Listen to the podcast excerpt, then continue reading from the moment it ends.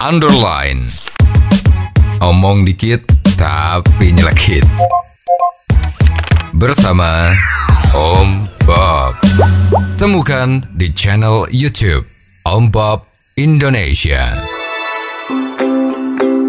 Ombo, pemerintah mewajibkan masyarakat yang terdata sebagai sasaran penerima vaksin COVID-19 untuk ikut program vaksinasi.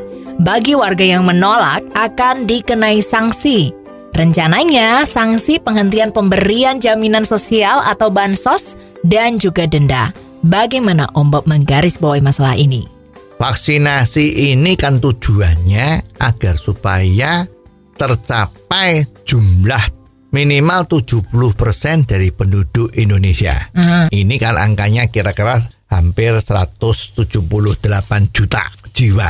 Itu harus divaksin semua. Ya. Dan pemerintah kita kan luar biasa. Mhm. Vaksinasi ini karena pandemi, pandemi itu kan nggak ada yang minta, ya. Nah, itu maka kesalahan dianggap ini kesalahannya bukan kesalahan kita kita, tapi ini memang ya lagi usum seluruh dunia ya kita kena imbasnya. Maka pemerintah menyediakan anggaran agar supaya vaksinasi ini dilakukan gratis. Betul. Siapa pun yang di Indonesia itu gratis. Tidak ada harus bayar ini, harus bayar itu nggak ada ya.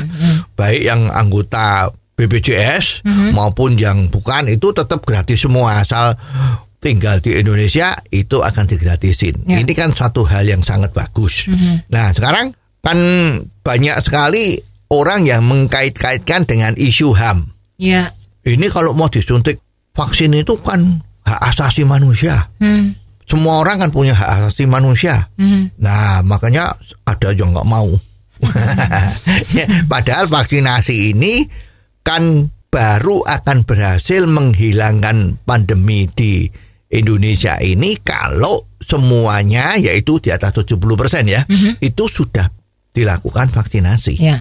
Begitu kurang, maka yang sudah divaksinasi sebanyak 60% itu misalnya itu ya nggak ada artinya lagi karena pandeminya nggak hilang. Betul. Ya dengan demikian kan sebetulnya kalau orang tuh nggak mau divaksinasi dengan alasan HAM, itu dia juga melanggar HAM. Ya. Karena dia kalau tidak mau vaksinasi dia membahayakan orang lain. Hmm. Kecuali orang itu terus Oke, saya tidak mau divaksinasi, tapi saya mau tinggal di pucuk Gunung Merapi, yang tidak ada orang lain. ya, lah sekarang pemerintah juga pusing, makanya harus diterapkan yang namanya sanksi. Ya. Jadi yang tidak mau ini juga harus kena sanksi, dan ini sudah diatur di dalam undang-undang. Ya. Itu ada aturan kalau orang yang tidak mau divaksinasi karena ada pandemi seperti ini, maka bisa didenda 100 juta Ya. atau dihukum satu tahun. Mhm. Ya ini harus bisa diterapkan. Ya. Kalau sekarang ada ketentuan pelunaan sasi, ya, ya itu cukup bantuan sosialnya tidak dikasih. Yang sekarang ini kalau nggak salah tiap bulan antara 300 atau 600 ribu ya, itu terus juga denda yang tidak sampai 100 juta, ya itu ya kurang efektif. Ya. Jadi mau tidak mau memang ini pengeterapan orang yang melanggar tidak mau divaksin ini juga harus ketat. Sebetulnya hukuman yang paling efektif itu yang seperti apa Om Bob? Ya kalau sekarang kita melihat di mana-mana, hukuman yang paling efektif itu adalah yang merugikan secara ekonomi kepada pelanggar aturan itu. Hmm. Kalau kita lihat itu di Australia, Mhm. di Singapura, Mhm. di Italia, Ya. itu kenapa dia bisa cepat sekali menyelesaikan masalah pandemi ini. Mhm. Itu karena kalau melanggar tidak pakai masker Hmm. Atau berani berkelompok lebih dari empat orang, enam orang atau berapa itu ya cukup sedikit, itu maka dendanya kan luar biasa. Ya. Di Australia itu dendanya kalau tidak pakai masker itu bisa kalau dirupiahkan itu bisa 15 juta. ya. Kalau di Singapura you berani melanggar protokol kesehatan yang sudah ditentukan oleh pemerintah Singapura dendanya itu bisa ya 50 sampai 100 juta rupiah. Jadi tidak ada ampun. Itu ternyata semua jadi disiplin. Mhm. Tetapi di Indonesia ini menjadi tidak disiplin dan pandemi kita ini agak molor-molor selesainya ya. Jadi ini nggak selesai-selesai, grafiknya masih nggak bisa nol, nggak bisa turun, masih naik atau stabil, stabil tinggi ya. Nah itu karena tidak disiplin. Ya. Nah ketidakdisiplinnya itu karena petugas-petugasnya itu mungkin juga aturannya ya itu kurang tegas, Ya. kurang merugikan secara ekonomi terhadap pelanggar. Ya jadi kalau kita lihat kemarin ketentuannya harus pakai masker di tempat umum. Ya. Orang sepeda motor nggak pakai masker, Hmm. disemprit berhenti, malah ada yang berani lari toh.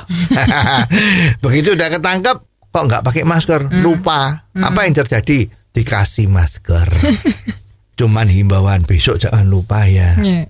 Masuk peti mati, nyapu jalan atau peti mati. Ya. Jadi hukuman-hukumannya ini tidak melambangkan merugikan secara ekonomi terhadap pelanggar. Ya. Nah ini saya kira kurang tepat. Hmm. Ya jadi mestinya seluruh jajaran dari aparat pemerintah itu harus diberi pengertian. Ya. Ya mungkin perlu dididik lebih dalam lagi maksud dari hukuman itu apa Mhm. dan bagaimana hukuman yang dianggap memberatkan yang ditakuti oleh para pelanggar. Ya. Nah, kalau semua unsur-unsur aparat yang menangani masalah-masalah pelanggaran hukum ini, Mhm. ya mestinya disiplin dari masyarakat Indonesia ini juga harus jadi baik, ya tidak seperti sekarang yang dianggap Indonesia itu nggak disiplin soal COVID ini ya.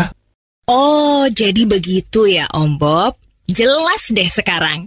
Terima kasih Om Bob untuk waktunya. Sampai ketemu lagi di waktu yang akan datang. Underline. Omong dikit tapi nyelekit. Bersama Om